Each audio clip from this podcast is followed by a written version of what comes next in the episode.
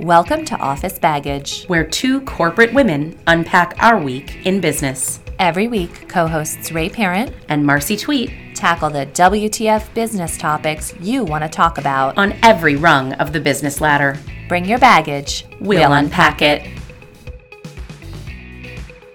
This week on Office Baggage. While conventional news outlets are focused on hurricanes and their aftermath, Office Baggage is spending some time on the tsunami of bullshit in the Northeast. Badass Sally of the Week.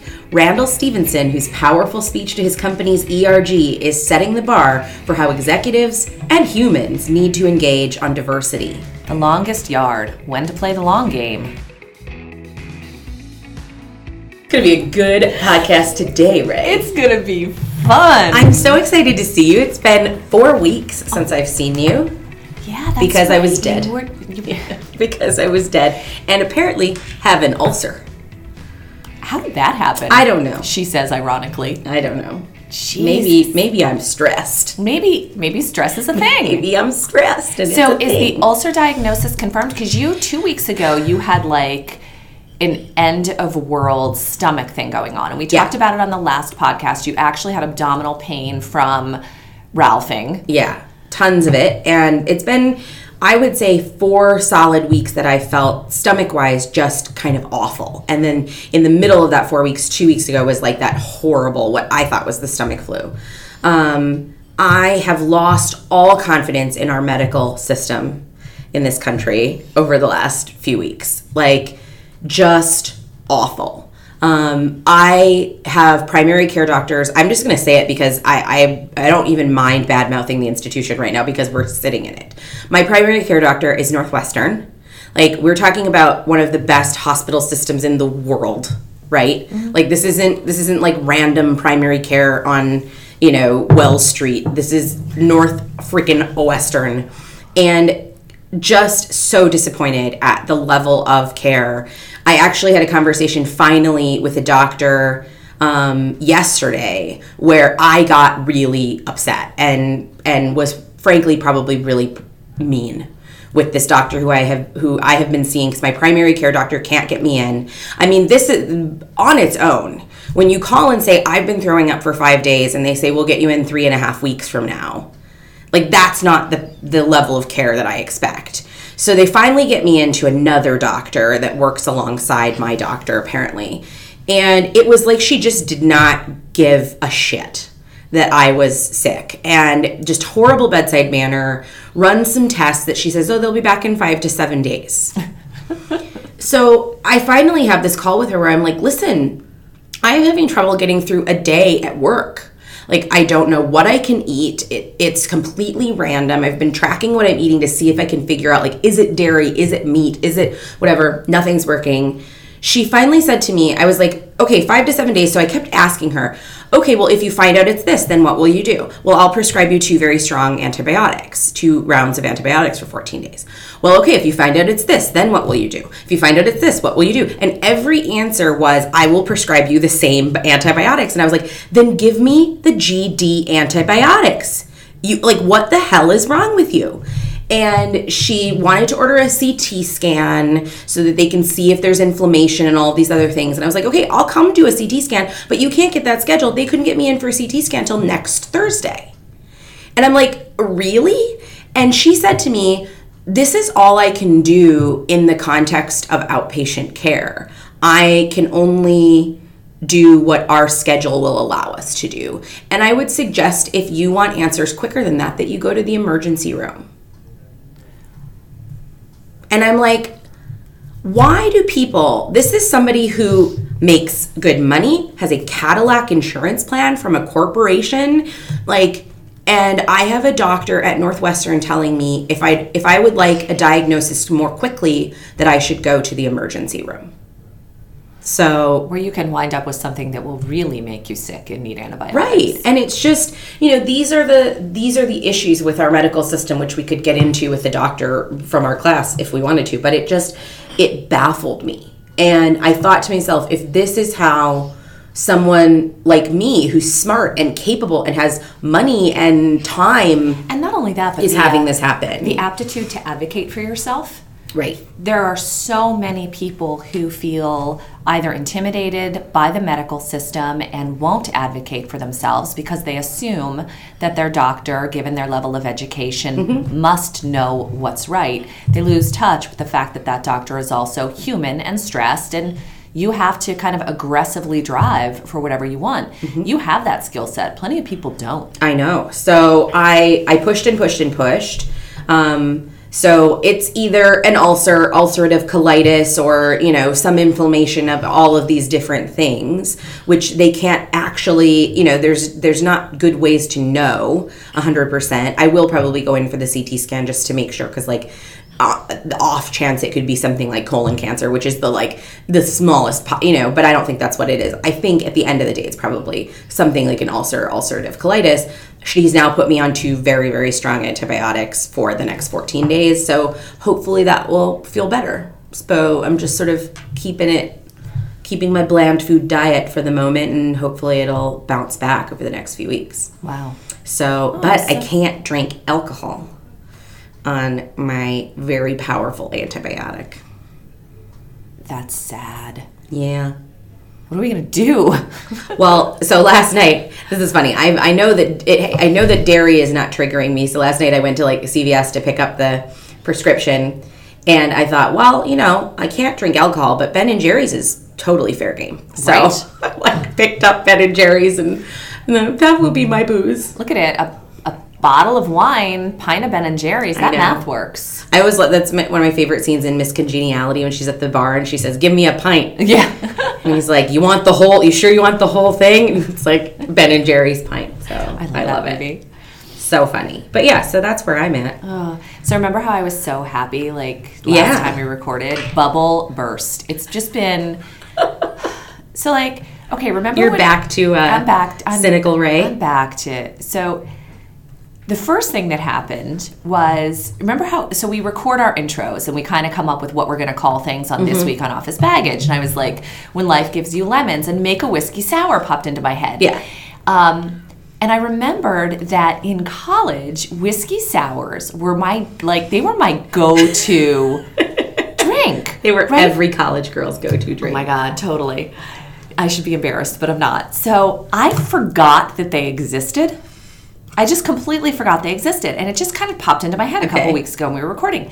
So Chris and I were out the other night, and I was like, "Oh my goodness, I'm going to order a whiskey sour." And so I have all these expectations, right? That's going to show up. It's going to taste like my youth. Marcy, this was like if my palate were a chalkboard. This was the equivalent of like nails on it. Yeah. It was so bad. It tasted like so I'm an overbrusher. Yeah. And I have really sensitive gums. So when I go to the dentist, they have to the technician has to put the numbing stuff on my gums Mm-hmm. and it literally tastes like death. It tastes like a whiskey sour. That's how bad it was. So yeah. Yeah. I still love whiskey, but I'm taking that shit neat. It's the sour. Yeah, it's the I used to drink amaretto sours. and I now I still again still love amaretto. My my drink of choice is a Godfather, which is whiskey, amaretto, and a little bit of ginger ale. That's like my personal drink of choice. But um, yeah, I can't drink sour anymore. It just turns my stomach. It's too sweet. It's too like it's got too much sugar in it. It's got too much crap in it. It's just ugh. So I'm gonna bring the sour to my whiskey with my personality from this point forward because I like that back. that shit's just bad. Happy Ray, you know, like It was annoying. I was complimenting strangers. that's just wrong. Um, I was nice to my husband for like two weeks. Yeah, Yeah. yeah. Um, yeah, so it was the whiskey sour thing. Rapidly following on the next day, I um, had parked my car, I turfed it because the kids had a school picnic. And yeah, I was kind of parked like half on a curb, half whatever. I'm driving home from that, and my low tire indicator goes on.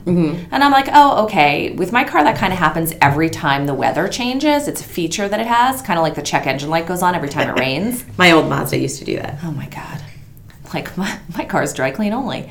Um, so I drive all the way home. I drive like 20 miles home. And I look at my car when I get out of it and I'm like, oh, there's a gash in my tire. Oh no. So thankfully I have run flats So it wasn't an issue. I didn't like, apparently, if you drive on a flat tire, you can do like meaningful damage and stuff.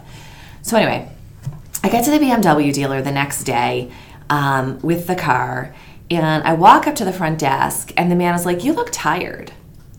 Oh Jesus. I'm like, just kind of shaking my head. I was like, "Good morning." like, I, like here's the thing: don't unless you're offering to carry me somewhere or to like do some shit from my list for me, don't tell me I look tired. So I kind of politely engaged, whatever. Told him while I was there. Looked at my records. Da da da da da da da. And then he tells me that I should smile more because I'm actually really pretty. yeah. Hey, why is this still a thing? Why is it still a thing? Why is it still a thing? It was one of those moments where I'm like, okay, done. Happy Ray gone. Yeah. Although I did win that inner battle that I have all the time, but that I have like, okay, do I just go straight up savage on this moron? Or do I just smile? And I just smiled because Chris was coming with the kids to pick me up because we had to do this whole car thing and what have you. Yeah, Yeah, not good. Happy bubble burst. It's funny because I I too feel like I've been on my last nerve. There's someone in my life that has been driving me incredibly insane. And and this week I said to Charlie, I was like, this is the week. This is the week I'm going to punch them in the face. Like this is it. like come bail me out of jail. There's going to be assault charges. I'm going to punch them. And it's like it just you know when you're on your last nerve and it's like don't mess with me. Do not mess with me. Like it's not good right now. Yeah. Well, that's good. Hopefully no one gets punched this weekend. No, if I made it out of if I made it out of O'Hare last night without any physical violence, you know what the best job in the world is? Do you know what I finally I decided? You know how I'm always Okay. saying that when I'm done with corporate America, Yeah. I'm going to do something that makes a difference. I'm over that. I'm going to do something that makes me feel good. so I'm going to have like a farm with a thousand dogs, and my job is going to be. I want to be the person at the airport who gets to walk up and down pickup. So you know outside where Yeah, people yeah, of- yeah. and gets to yell at Yell the motherfuckers people. who just park there. I would be Oh so good at that. So I was waiting for my ride for like 15 to 20 minutes Oh yesterday. And I saw this woman confront the same three, happen to be men, multiple, multiple times. And Marcy, this close, this close to jumping in and helping her out. It's like, you need to, what? First of all, they don't have any tools. Right. They don't have an app that they can snap a picture of your license plate with the cell phone Mm-hmm. and then you automatically get a ticket. That exists. I know. Plenty of tickets show up in my house for like the little cameras that exist for Yeah. red lights and highways and all that bullshit. But she has nothing. So this is this five foot woman yelling at people to get them to move.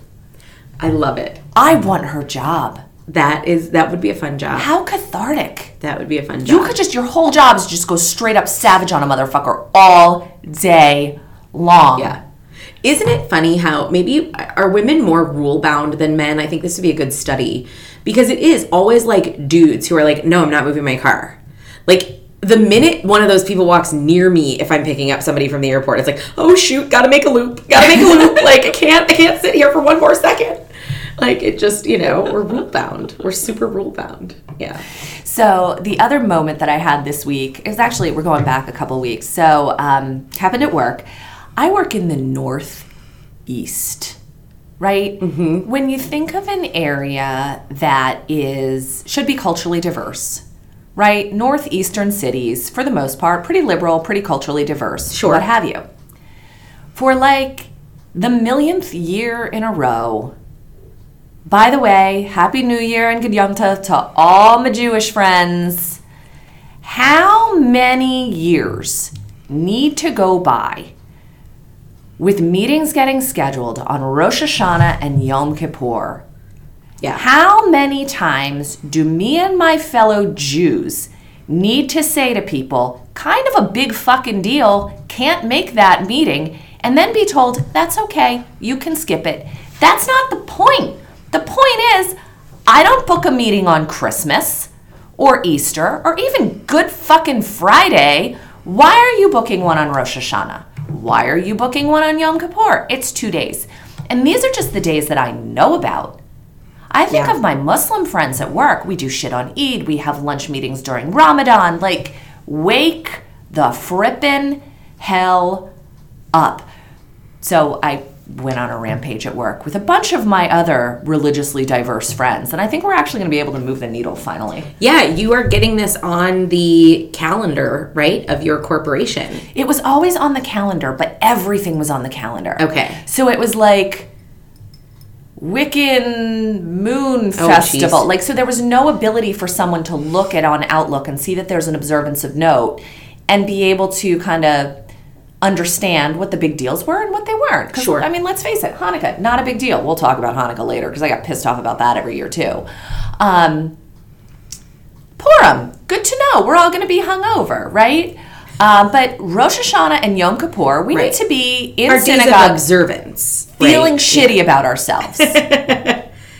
I sent you a really fun meme on uh, on Yom Kippur. Fun and accurate. Fun and accurate. It said, "In case you forgot what you need to atone for, let me know."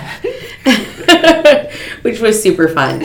Um, Funny because it's true. the other one I sent to our entire class was a Conan O'Brien quote that said, "Today is you know today is the day of atonement for atonement for the Jewish people. For my people, that's the day after St. Patrick's Day."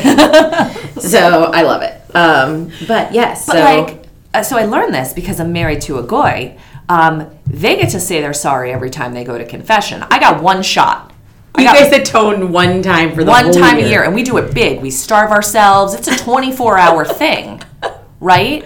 Um, by the way, in case you're wondering, I, I set a new low bar this year. Like, it was maybe 45 minutes after sundown on the Day of Atonement. I had already fucked up. So You're like, I'm out. See ya. out. I tried. That's all you can do, man. No. That's all you can do. God made me flawed. Yeah. No, I think it's really hard. I think, um, you know, not for malicious reasons, but people just don't think outside their own culture or religion, and they it doesn't occur to them that other religions' holidays are also days that people would need. I don't know, off. Yeah. you know we all get christmas day off and so it's just you know it just it doesn't bleed in and so i think the more that you can do on a corporate level to put that on people's calendars and give them an education about why and what and how it, it makes sense Makes a ton of sense.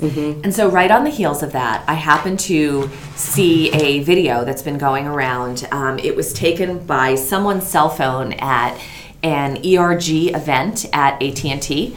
And so a lot of companies have ERGs. I don't know or BRGs. I don't know if I'm about to mansplain these, but just to level set, does your company have ERGs and BRGs? no i know what erg i mean obviously i, I do some work in diversity so i get it but I, think less companies have ergs than so i don't think you're mansplaining at all um, because i think the big fortune 50 is is this very erg happy place but most people don't work in the fortune 50 so explain what an erg is So, ERGs, employee resource groups, or BRGs, business resource groups, are groupings of diverse employees. Uh, so, there's LGBTQ groups and African American groups and Asian groups and young professionals groups. AT&T is actually a leader in a lot of this space. They're a massive company. When I was looking to do some work in the diversity space at my organization, I was looking to kind of go create something interfaith interfaith based. I looked at how AT&T did it and I looked at how Ford did it great because I do think, you know, to our prior conversation, that awareness of other people's beliefs is extremely important. Mm-hmm. So, Randall Stephenson, I just have this gig like. Chris makes fun of me. He's like, "Oh my gosh, do you have a crush on another nerdy guy?" like, I, I, I, I'm not, I'm not sure. I don't know how to unpack it yet. So he is giving a speech to all of his ERGs that are assembled, and he's discussing how racial tension is ripping apart communities. And he goes and he just inventories of the violence um, across different domains. So he talks about everything from Charlottesville mm-hmm. to the Orlando nightclub shooting. This was before what happened in Las Vegas this week, which I still I still can't even get my head around. Right. But then he moves on and he talks about a close friend of his, a gentleman named Chris, an African American gentleman who's a cardiopulmonary critical care doctor, a military veteran. And Chris is an exceptionally good friend of his. Uh, Mr. Stephenson describes the relationship that the two have had, the duration of how they've had this, how long they've had this relationship. They are deep, deep friends. Mm-hmm.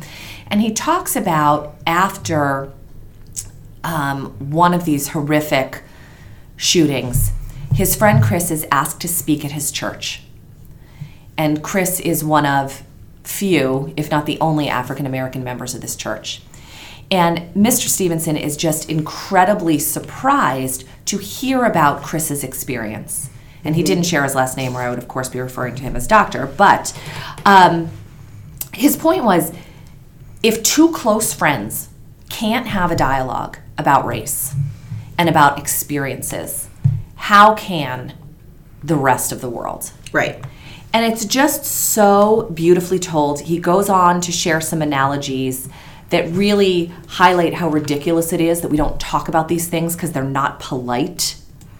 He does a beautiful job unpacking Black Lives Matter and why it is so incredibly dismissive to say all lives matter, which is a point that I do want to get back to. Um, and then he goes on to talk about tolerance, and he says it's not about tolerance. Tolerance is for cowards. This is about moving into uncomfortable space and seeking to understand. And it's just, I posted it to the Facebook page. I think we need to post it to our webpage. Yeah, well. Yeah, we'll link it on this show on the show notes for this show so that people can can watch the full video. Um, but it just the thing that it underscores, and Inc. wrote an article about this. So this was this is actually about a year old. It was last September that he made this speech. Um, I'm not sure why it's making the rounds so much. I don't now. know um, if it's if it's sort of following um, some of the racial tensions that have been happening following Charlottesville and some of the things there. Um, but he talks about uh, to bring it into the corporate world as well how corporations and businesses can't get their heads and their minds and, and their processes wrapped around diversity unless the CEO of the company you know it's it's the concept of fish rots from the head right? You know you you have to as a ceo set the tone at the top for um, what for AT&T it's 200,000 employees. For what his 200,000 employees are doing um, saying and the kinds of, of uh, values that they are projecting. And I think that's really, really important. So to see a CEO being so incredibly open about his own experience with this, and then also um, working to shape his own company's culture and to lead the way for other CEOs on this matter, I think is really fantastic. Just really beautifully and adeptly done. And I think the humanity that he brought to it. Um, he, he talks about his friend and he says, I never understood some of his perspective before and now I am so humbled. Had I had those experiences, I would be a bitter man, and this is not a bitter man. Right. I want to come back a little bit though to um, Black Lives Matter slash All Lives Matter because when I hear that, it gives me the same feeling as the whiskey sour did. Mm-hmm. Right? I get so so so angry. But I heard something earlier this week, and I'm kind of knitting the two concepts together. So just taking a step back I was in a training session. My company does a lot on diversity, and we were talking about the stages of cultural competency. Mm-hmm.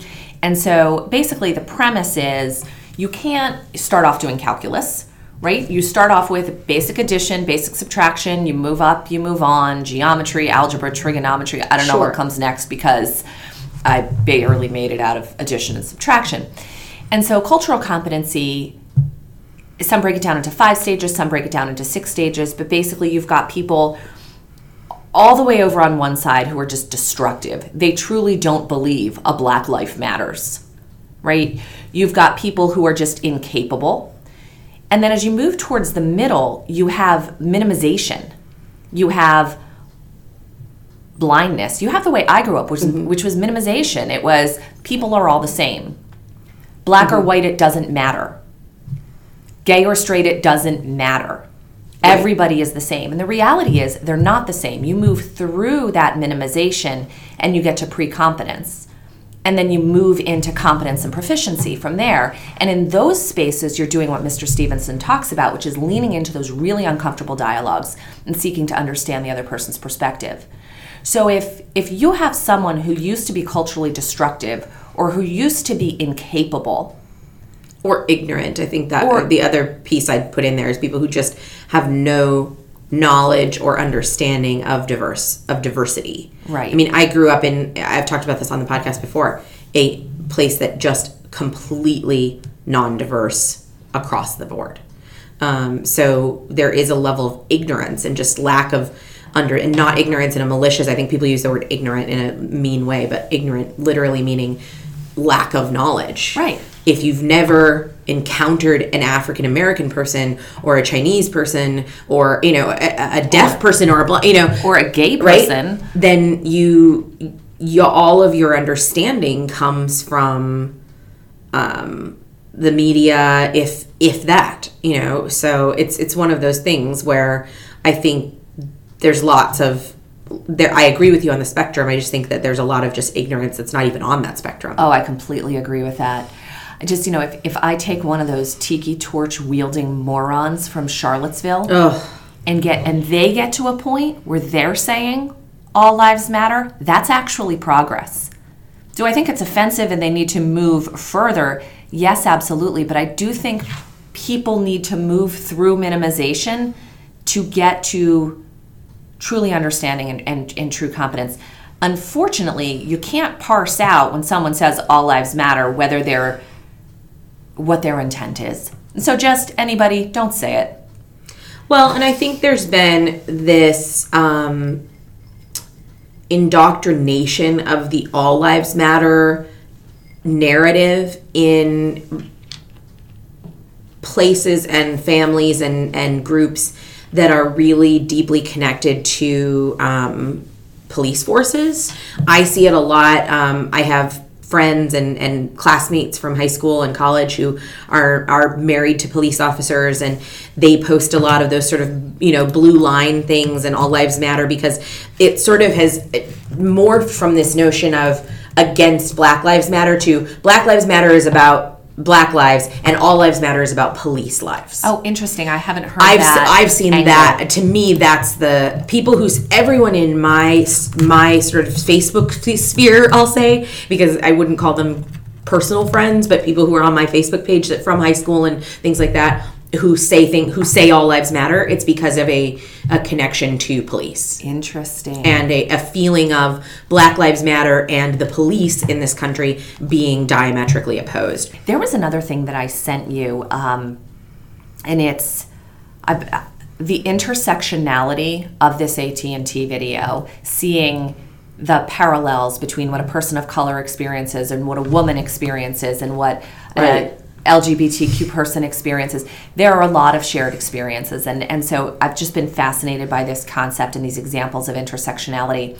I found this um, extremely inflammatory but very poignant uh, vignette on Facebook, and I forwarded it to you. It's an African American gentleman, and his thesis is Is woman the new N word?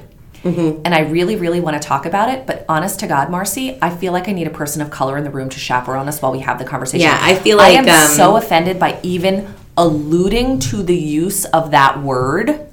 I feel like we should do a whole episode on this because I'm I'm interested and maybe we can bring um, Ahmad and, and maybe TJ back and, and talk about this because I actually I'd like to have a, a larger discussion about there's been some stuff that's happened in the media with that with the sort of use of the word and and people you know having just lots of issues so I think that's a, a good one to bring up and I was I love the idea of having more than just Ahmad. I was thinking maybe we could re- re- record it with Ahmad when we're all in Vermont this weekend. oh that's a good idea I'm not entirely sure Ahmad's not going to bail. Like there are legitimate signs of RPD going on there, and by RPD I mean rural panic disorder.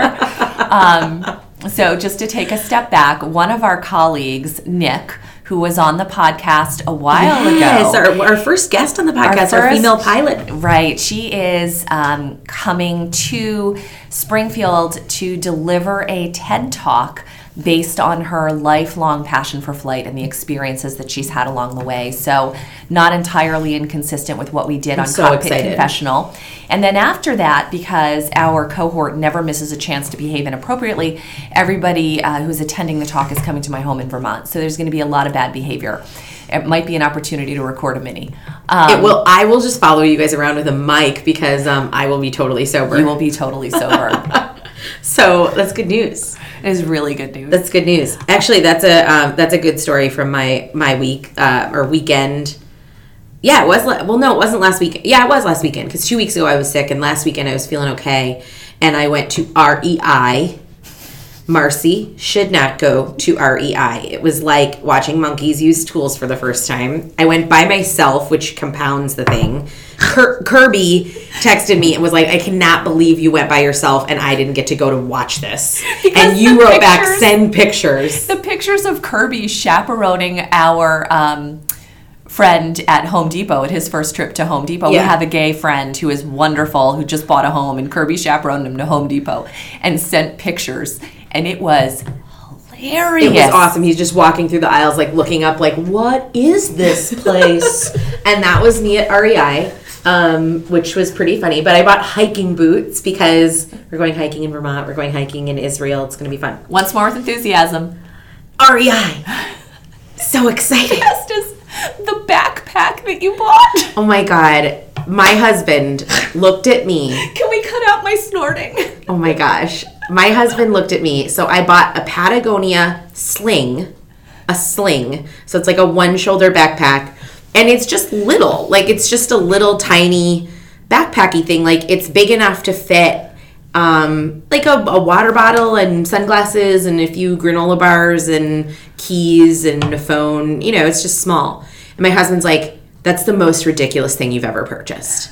Like Okay, what well, I the hell? that. he's like that's he's like that's so stupid he's like and i was like yeah i kind of wondered if it was a stupid purchase and he's like if you're going on a hike you need a legitimate like bag. You need a backpack. And i was like well i know but i'm not going to take this on like our two day hike in you know in the bedouin desert in in israel. I'm taking it on like a two hour hike in vermont and i don't want to carry my water bottle. It's the stupidest thing you've ever purchased for one reason and one reason only. We have Ahmad, Ted, and Kirby. I'm not carrying shit. That's true. That's fair. I did tell you I almost bought a Stanley um, uh, flask and shot glass set because I thought that's all I need in Vermont. But I'm glad I didn't buy it now because I can't be drinking with y'all. The spectrum is so so funny. So like Ted is ready to like pitch a tent in the backyard and live off the land. Oh my Jesus. Ahmad has legit rural panic disorder.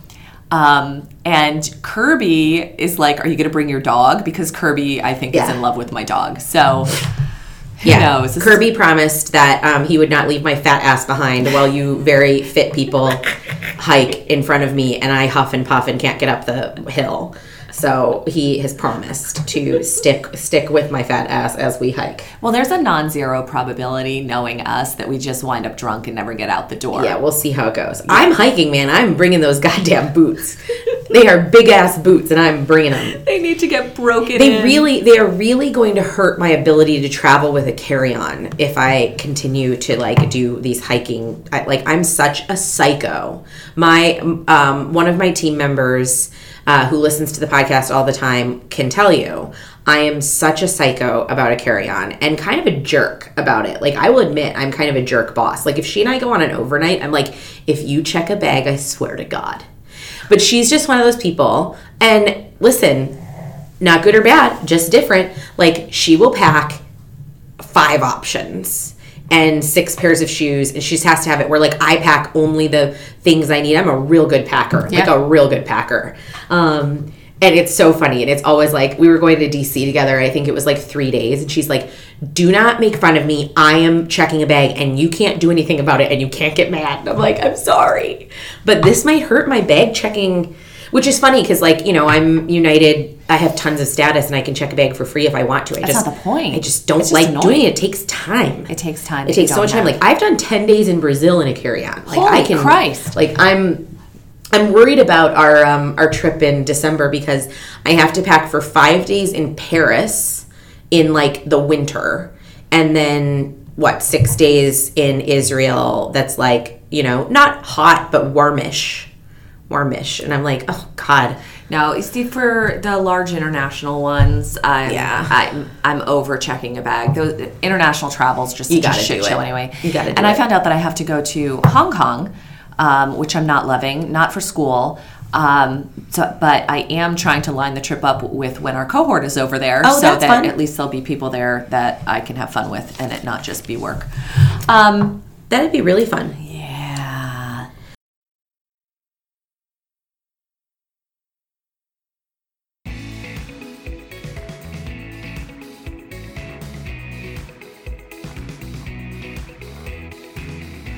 It's fall, y'all. It's October. It's football season. And look it, I am a mean spirited, battery throwing, Santa Claus booing Philadelphia Eagles fan.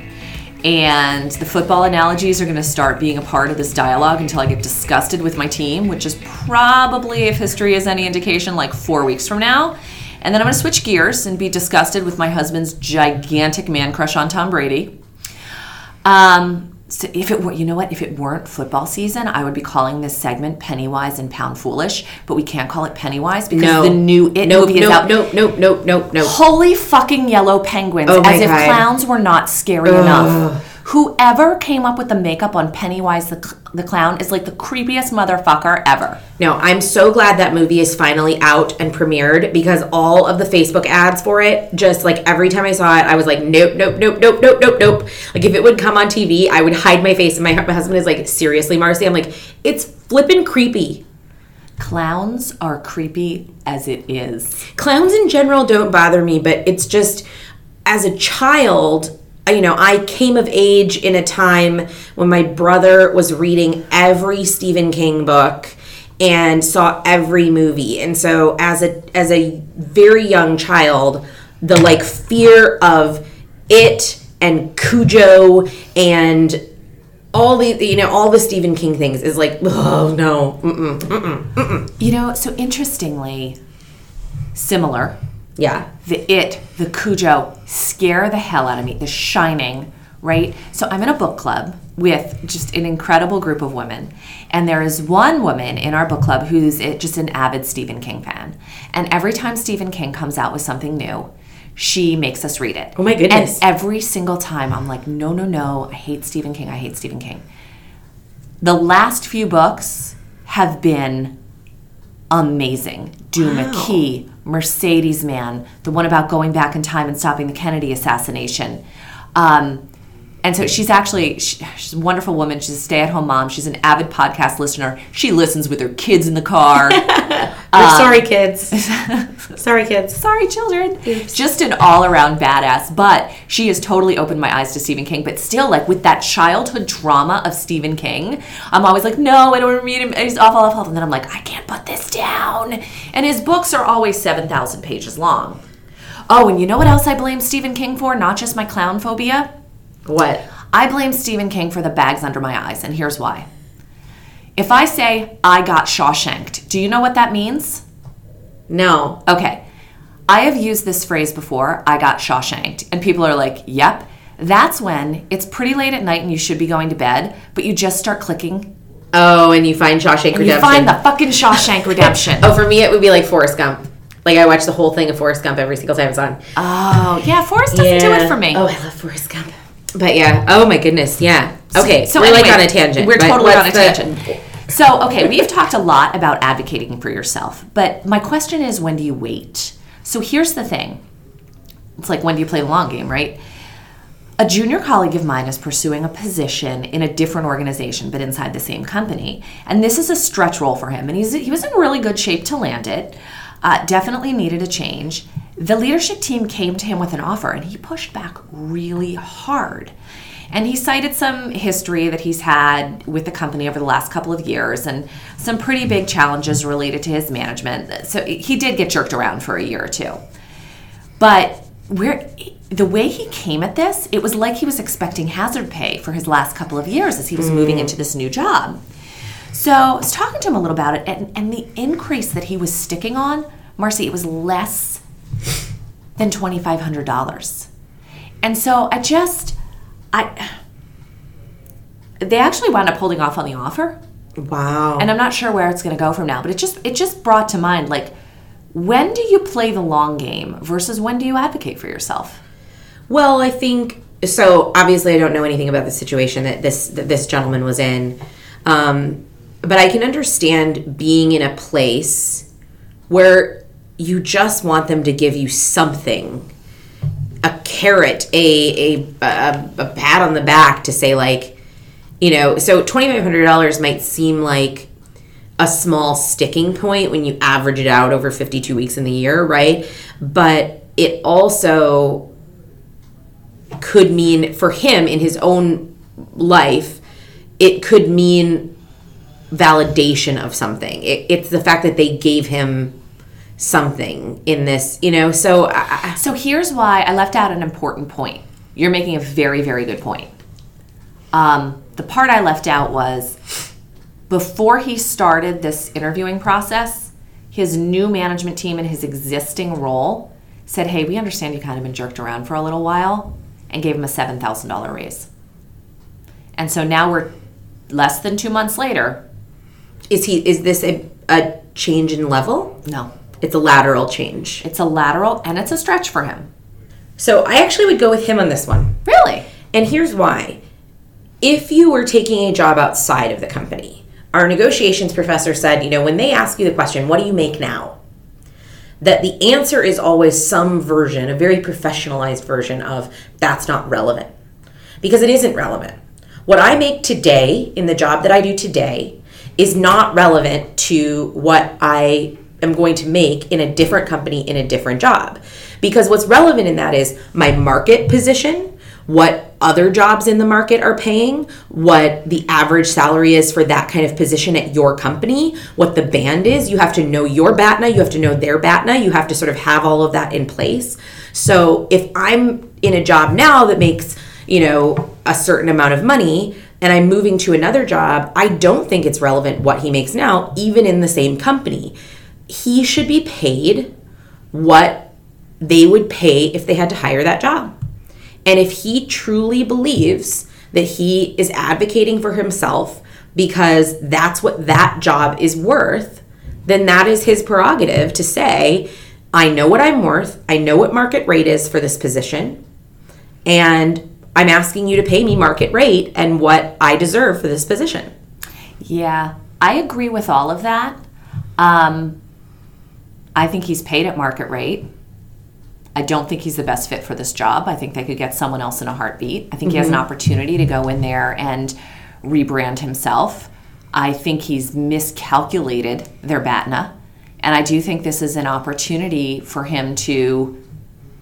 We talk about it all the time that this is horrible, but like, take what you can get, go in, drive your value, ask for more later when you've proven yourself. Well, I think then that's a situation of knowing who has the power in the situation. So I wouldn't say that it's a place where he shouldn't advocate for himself, but I think he's done a bad job knowing what the what the um, so for those who aren't business school nerds, BATNA is best alternative to a negotiated agreement. So what would your what would they do if he weren't taking the job? And he needs to know if they're not if that's not in the budget, if that's not ability, then you have to make the decision of is this the right thing to do or not. Um, a member of our class recently went through a negotiation and the number just wasn't what it was meant to be. And he was criticized a lot for walking away. They couldn't believe, like, this is a great job. This is a step up for you. And he said, No, I know what I'm worth. I know what I'm worth. You're not going to pay me what I'm worth. I'm not taking the job. And so he has every prerogative to do that. So he has to think in his own life about whether or not this is the right next step for him. Um, if some if it's coming down to the sense of twenty five hundred dollars that he's trying to nickel and dime, then I would ask him whether or not he really wants the job. Right. I think you're. I think you're striking at the heart of the matter. I, I'm not sure what he's looking for. Mm-hmm. Um, if he's really looking for the work um, and looking to move forward, I, I think you leave that 2,500 on the table for now because Right. you're going to get more later if you if you really take on that job with the passion that you, that you seem to feel for it. Um, I, I really think his position is I've had a crappy couple of years. I was given 7,000. I want to be given 2,500 more. And I, I think that as a hiring manager would leave a really bad taste in my mouth as well. And I think it has more to do with how he's positioning it mm. than the way you're positioning it, which is a meaningfully more professional way to look at it. Right. That's just not yeah, that's it just seems so foolish. Yeah, I think, you know, it's it's a really hard place to be. You know, our negotiations professor went through a lot of examples about salary negotiations in in our class this summer and there were some of the things that she said that were incredibly helpful and there were some that you know you still have to think about the relationship you have this Yeah. isn't a car dealership right this isn't a I'm, I'm never going to see this person and walk away you have to think about the taste you're leaving in someone's mouth about you Right. is someone going to think well okay we'll give you this job but we're going to remember that you were kind of an asshole while we were doing it Right. you know so um so i think it sounds like he's gone about this in a way that maybe had the wrong tone in it um, but in general i wouldn't ever dissuade someone from asking for the number or the amount or advocating for yourself and and not waiting. If he had advocated for himself they came back and said listen we can't really do that. And he said, you know, at least I tried. You Right. know, I'm glad I tried. Then it's a different element. So I don't think there's a sense of wait and play the long game at the beginning. Advocate for yourself. Put out there what you need. When you get the pushback, then you make the decision about, okay, what's the long game here? How do I play a long game? But try to make the touchdown. Right. Look at you look at using the sports making- analogies. I hate hate football. Um, I so another football related thing that happened this week. Cam Newton. Did you see this? I did. Holy Mother of God! I'm a potty mouth today, aren't I? a female reporter is asking Cam Newton a question, and he giggles and says that it's funny when females ask about routes, and giggles again and says it's just Right. funny. Right. This has blown up though because that I wish that there could be a better dialogue about that, but now I don't know if you've seen recently the dialogue. I can't. I don't know the name of the female reporter has come up that she posted a bunch of racist stuff on Facebook on Twitter a few years ago. No. Yeah, like really awful stuff using the N word and some other stuff. And so all of this has gotten buried in in what a you know quote unquote terrible person she is as well. So lots of controversy. Oh, controversy in the NFL. Never ever. I've never heard that before. That never happened. New concept. for me. Oh my gosh, just play football. I love it. So funny. Well, I think this is a good place to wrap for today. And um, thanks for sticking with us as always on Office Baggage. Let us know what you think. Send us your thoughts and questions, and we will talk about them in another podcast. Have a great week.